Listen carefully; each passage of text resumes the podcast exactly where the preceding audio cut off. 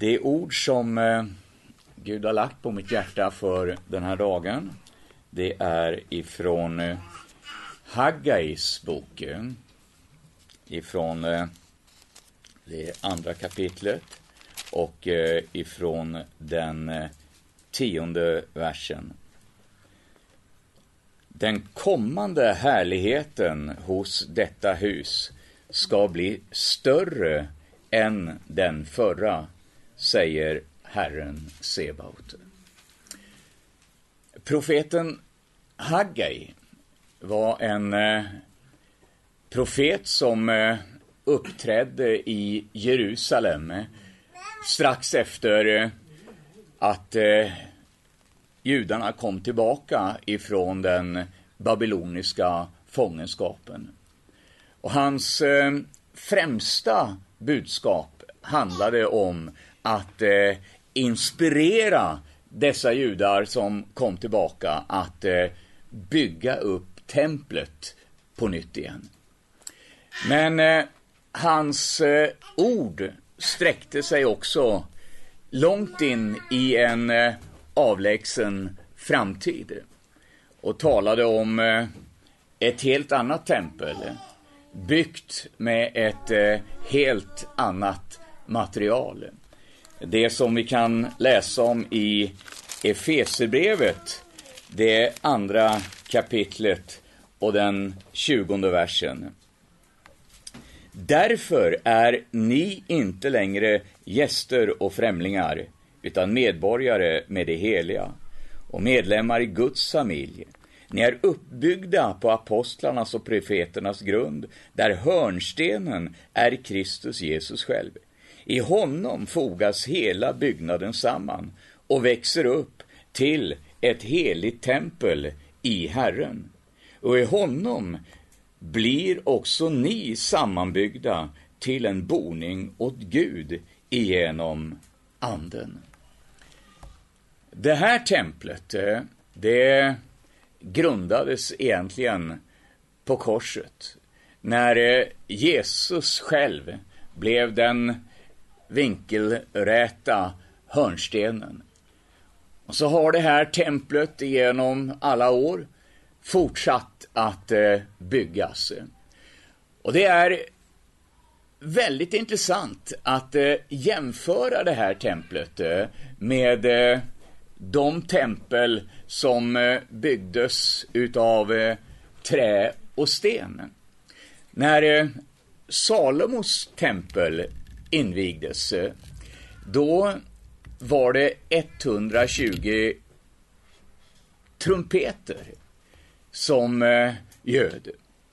Men när eh, det levande templet invigdes, då var det 120 inbyggda trumpeter utav människor som på den övre salen prisade Gud i nya tungor. 120 personer. När eh, Salomos tempel byggdes så står det att eh, det hördes inget ljud utav någon hammare eller yxa eller något järnverktyg. Och när eh, det levande templet byggs så är det heller inte något människoverk. Vi är födda, säger Johannes, inte av blod, inte av kötslig vilja eller någon mans vilja, men av Gud. Inplacerade som levande stenar där eh, kärlekens cement binder oss samman.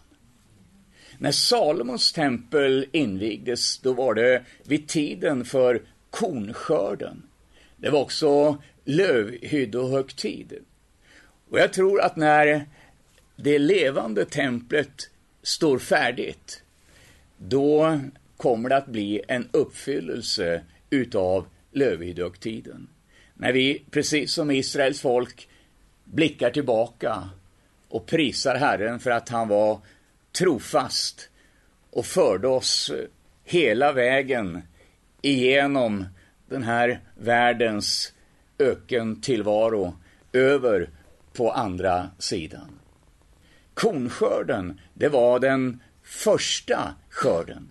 Och det här kommer också att ske vid den första uppståndelsen, då det i Kristus döda först uppstår och så lyfts vi som då ännu lever tillsammans med dem upp i luften, Herren till mötes. När Salomos tempel invigdes, då var härligheten så stark, står det, så att eh, prästerna kunde inte förrätta tjänst. Ofta så vill vi gärna ha lite grann utav kontrollen.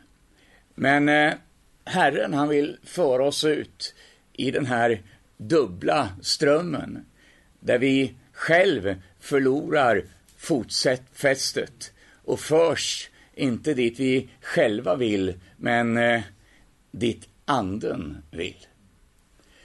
När det gäller de här templen utav trä och sten så övergavs de utav Herren sex århundraden före Kristus. Hesekiel talar om det i det nionde kapitlet där han talar om att Guds härlighet lyfte ifrån keruben, det vill säga ifrån arken i det allra heligaste och förflyttade sig till dörrposten på templet. Och sen i det elfte kapitlet så lämnar Guds härlighet hela templet. Jeremia talar om det i det sjunde kapitlet och talar om att eh, templet har blivit ett eh, rövarnäste. Och så lämnar Guds härlighet templet på samma sätt som han en gång hade lämnat Shilo. Och Shilo, det var den plats där tabernaklet, det vill säga förlagan för templet, för första gången sattes upp eh, när eh, Israels folk kom in i landet.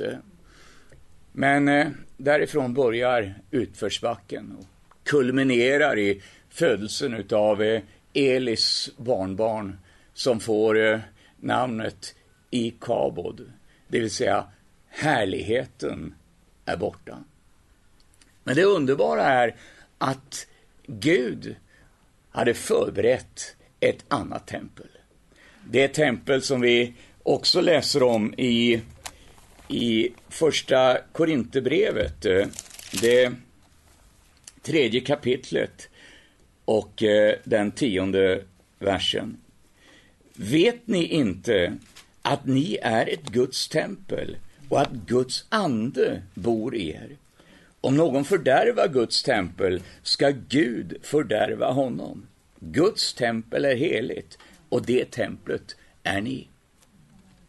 Två saker här. För det första så talar Gud om att vår kropp är ett tempel åt den helige Ande. Och därför så är det ju oerhört viktigt att eh, vi tar vara på vår kropp. Att vi inte förgiftar den, övergöder den eller försoffar den. Utan att eh, vi, precis som man underhåller ett hus eller ett tempel, underhåller vår kropp som är ett tempel åt den helige Ande. Nummer två, att vi också behandlar församlingen med samma respekt som vad Israel behandlade templet. Det vill säga, församlingen, det är ingenting som man kan ha eller mista. Församlingen, det är ingenting man engagerar sig i när man liksom känner för det. Församlingen, det är ingenting man offrar till när man tycker att man får råd eller får någonting över. Ibland så har jag hört människor säga ungefär som att eh, ja, jag är med i cyberförsamlingen eller jag är med i den universella församlingen. Men Bibeln talar om att församlingen, det är fysiska människor som träffas på en fysisk plats. Om än i all enkelhet i ett hem. Men det är människor som eh, kan lägga sina händer på varandra, som kan smörja varandra med olja, som eh, bryter brödet tillsammans och har gemenskap. Det är församlingen. Ibland så har någon frågat mig att eh, Eh, Ove, eh, kan man inte komma till himlen ändå utan att vara med i en församling? Jag har svarat ungefär så här att eh, ja, du kanske kan simma över till Danmark. Jag vet inte. Men en sak vet jag och det är att eh, det går betydligt lättare om du tar färjan. Och så är det också om vi ska till himlen. Så går det betydligt lättare om vi engagerar oss i en församling. Idag så kommer det ofta ett budskap om att eh, Gud vill hjälpa oss att förverkliga våra drömmar. Får jag göra en bekännelse? Min egoistiska dröm, det är en Harley Davidson. Men jag tror att Gud är väldigt in, lite intresserad utav den drömmen. Nu säger jag inte att Gud missunnar människor motorcyklar. Det är inte det. Men Guds dröm, det är församlingen. Guds dröm, det är en upprättad församling där Andens gåvor flödar, där Andens frukter växer sig starka, där människor upplever en gudomlig gemenskap och där den starke sträcker sig ut till den svage och där var och en har en funktion. Det är Guds dröm. Är det lätt? Nej, långt därifrån. Det här sker inte utan motstånd. Precis som eh, de här judarna som skulle bygga upp templet fick uppleva. Det första motståndet de, de upplevde, det var ett ifrågasättande. Ståthållaren i Samariens Tatenai, han sa, har kungen i, i, i Babel verkligen sagt att eh, templet ska byggas upp igen? Och det resulterade i att eh, man skickade en förfrågan till hovet i Babel. Och så började man där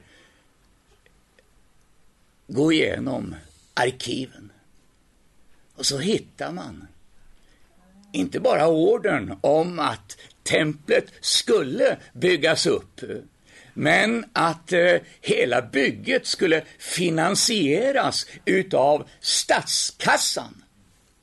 Och så får Tattenhaj uppleva att hans attack vänds emot honom själv. Och så får han själv utifrån skattemedel vara med och finansiera uppbygget utav templet.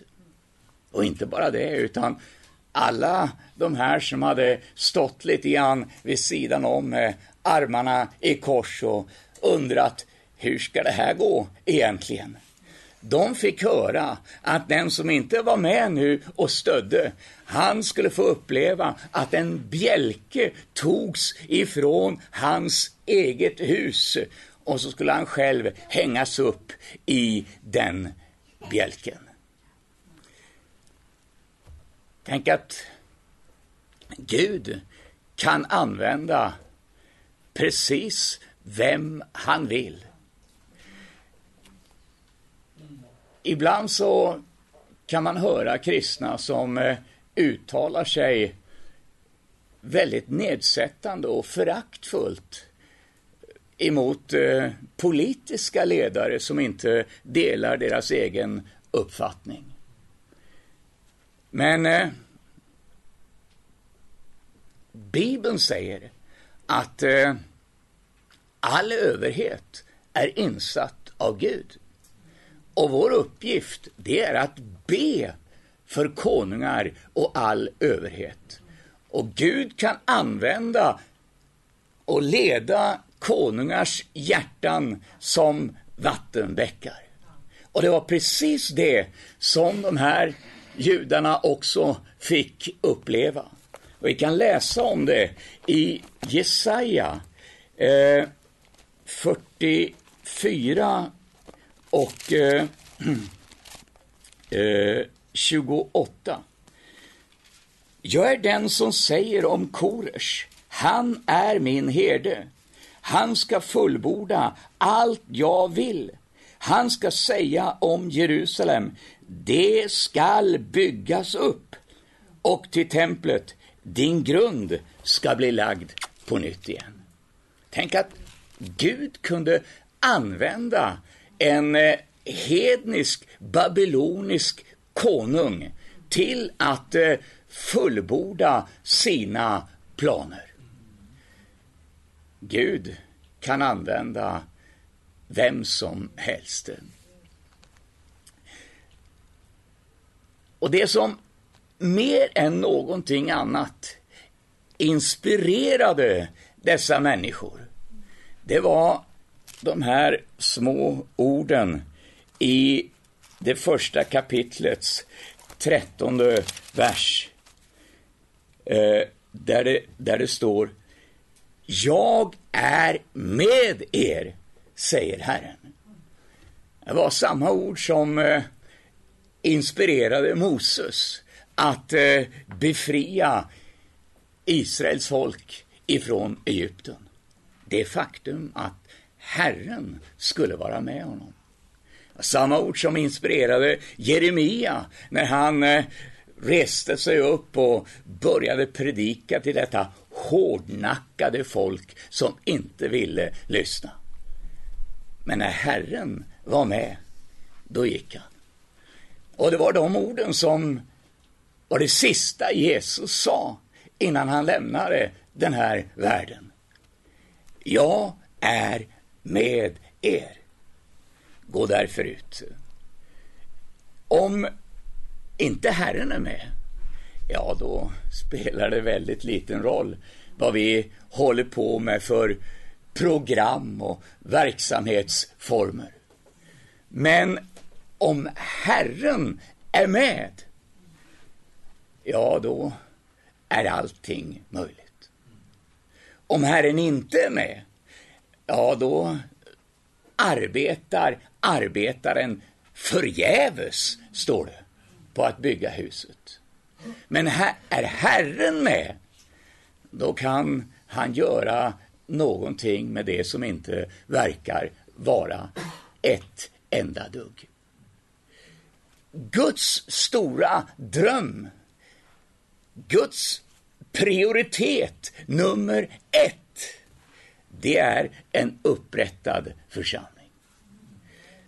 De här människorna på Haggais tid, de hade som sin dröm och sin prioritet att bygga sina egna hus och göra dem så trivsamma som möjligt.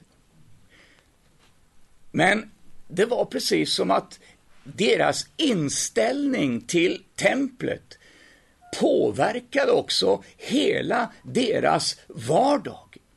För Bibeln säger att de åt men blev inte mätta. De klädde sig men blev inte varma. De sådde men skördade lite. De förväntade sig mycket men fick lite och det de hämtade in, det blåstes bort. Det var liksom hål i, i plånboken. Men så säger Herren, gå upp i bergen och hämta virke och bygg mitt tempel. Då ska jag bli glad och så kommer ni att få uppleva min härlighet. Det vill säga, om vi börjar i rätt ände så är det en nyckel till att uppleva Guds härlighet och välsignelser i vardagen. Nu hade de kommit för ganska många år sedan. De, de första kom tillbaka redan 534 f.Kr. och började bygga så smått. Men det blev en hel del motstånd. Och eh, framförallt ifrån samarierna.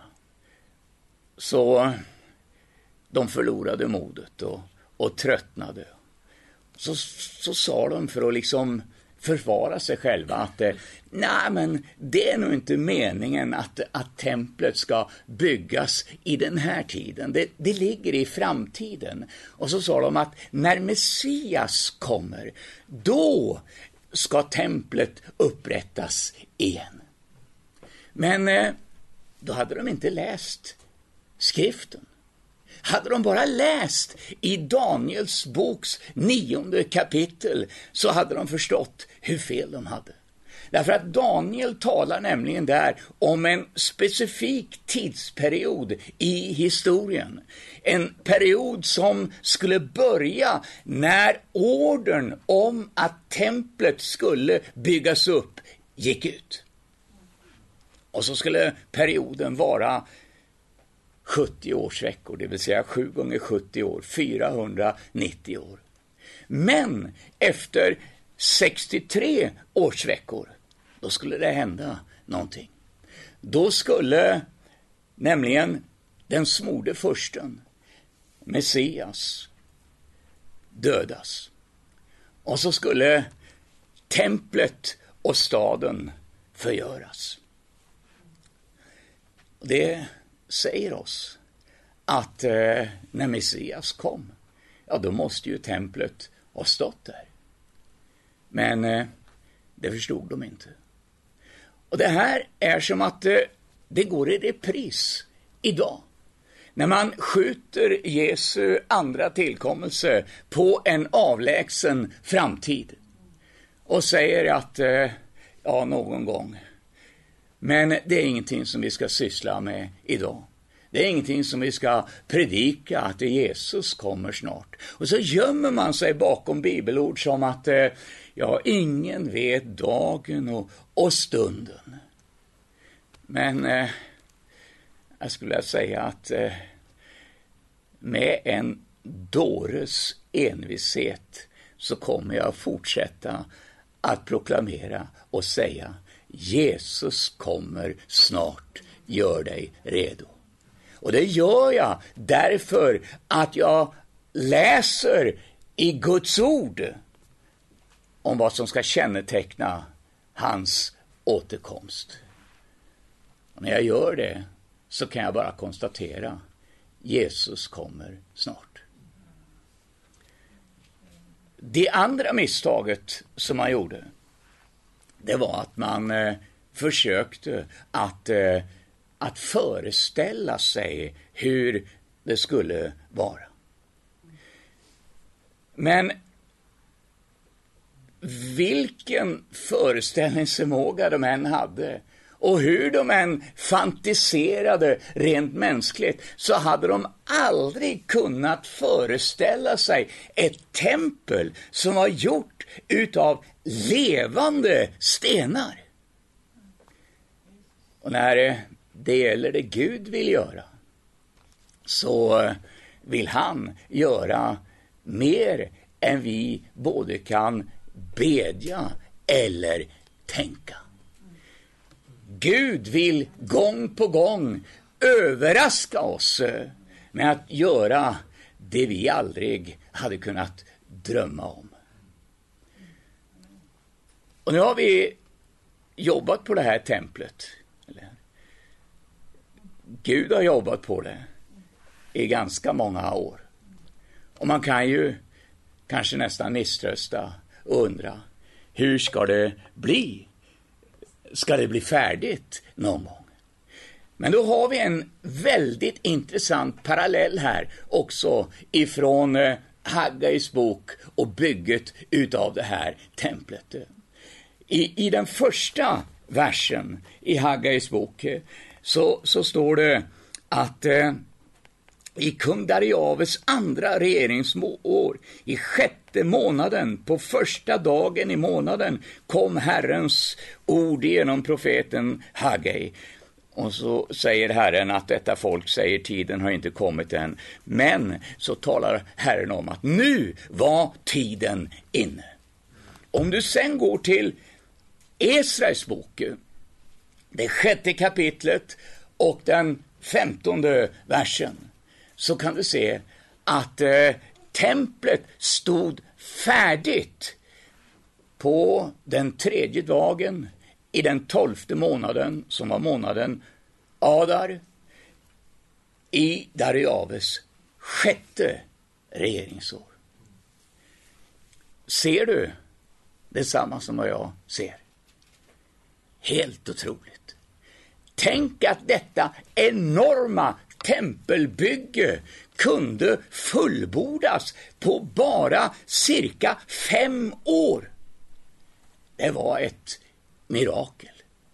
Och på samma sätt som det skedde ett snabbt färdigställande utav templet på Haggais tid, så tror jag Gud vill göra ett snabbt färdigställande utav det levande templet i vår tid. Och när man läser om hur miljoner utav muslimer idag rycker Guds rike till sig och kommer till tro, blir födda på nytt och frälsta, ja, då vet jag att rätt som det är, endera dagen så kommer den sista stenen att läggas på plats. Och så står templet färdigt. Och då kommer Jesus. När eh, judarna såg på det här templet som eh, de hade byggt så blev de lite besvikna. Därför att eh, de jämförde det med Salomos tempel. Och i den jämförelsen så var det här, tyckte de, som ingenting. Men det som betyder någonting för Gud, det är inte den yttre skönheten. Det är inte hur saker och ting ser ut, hur saker och ting låter. Men det är det att vi har byggt efter mönsterbilden, ritningen på församlingen som Herren har gett oss i sitt eget ord finns ingenting som ligger så oerhört varmt på Guds hjärta som församlingen. Var ingenting som upprörde Jesus så oerhört mycket som när han kom till templet och fick se hur de köpte och sålde och han tog eh, ett rep och drev ut, står det, månglarna. Men det var inte i första hand bara det att de gjorde business i, i templet, det var en sak. Men det sätt på vilket de gjorde det. Det var nämligen så att eh, för att människor skulle kunna köpa de här offerdjuren så måste de växla in till den speciella tempelvalutan som hade skapats. Och den växlingskursen, den var skyhög. Så fattiga människor som kom med en gudslängtan och ville liksom tjäna Gud, de rånades billigt talat på sina pengar. Och när man använder Guds församling för att skapa egen vinning, då är det någonting som i allra högsta grad får Guds vrede upptände. När man gör vägen krokig och, och onödigt krånglig, när man har möten som liksom riktar in sig på ett smalt spår till kanske bara en enda generation, eller där man har en obegriplig liturgi och folk har svårt liksom att hänga med och ta till sig det som är viktigt och väsentligt, eh, då är det någonting som får Gud att reagera. Därför att församlingen, det är sanningens stödjepelare eh, och, och fäste i den här världen. det är genom församlingen som Gud vill slutföra sitt verk på den här jorden. Och jag skulle vilja säga till dig som kanske lever i, i Göteborgsområdet eh, och som eh, inte är engagerad i en församling. Välkommen till Agape på Tygusvägen är det fyra så eh, ska du få en uppgift eh, och eh, du kommer att känna dig välkomnad. Välkommen från läktaren och engagera dig i Guds rike och du kommer att bli välsignad i Jesu namn. Amen.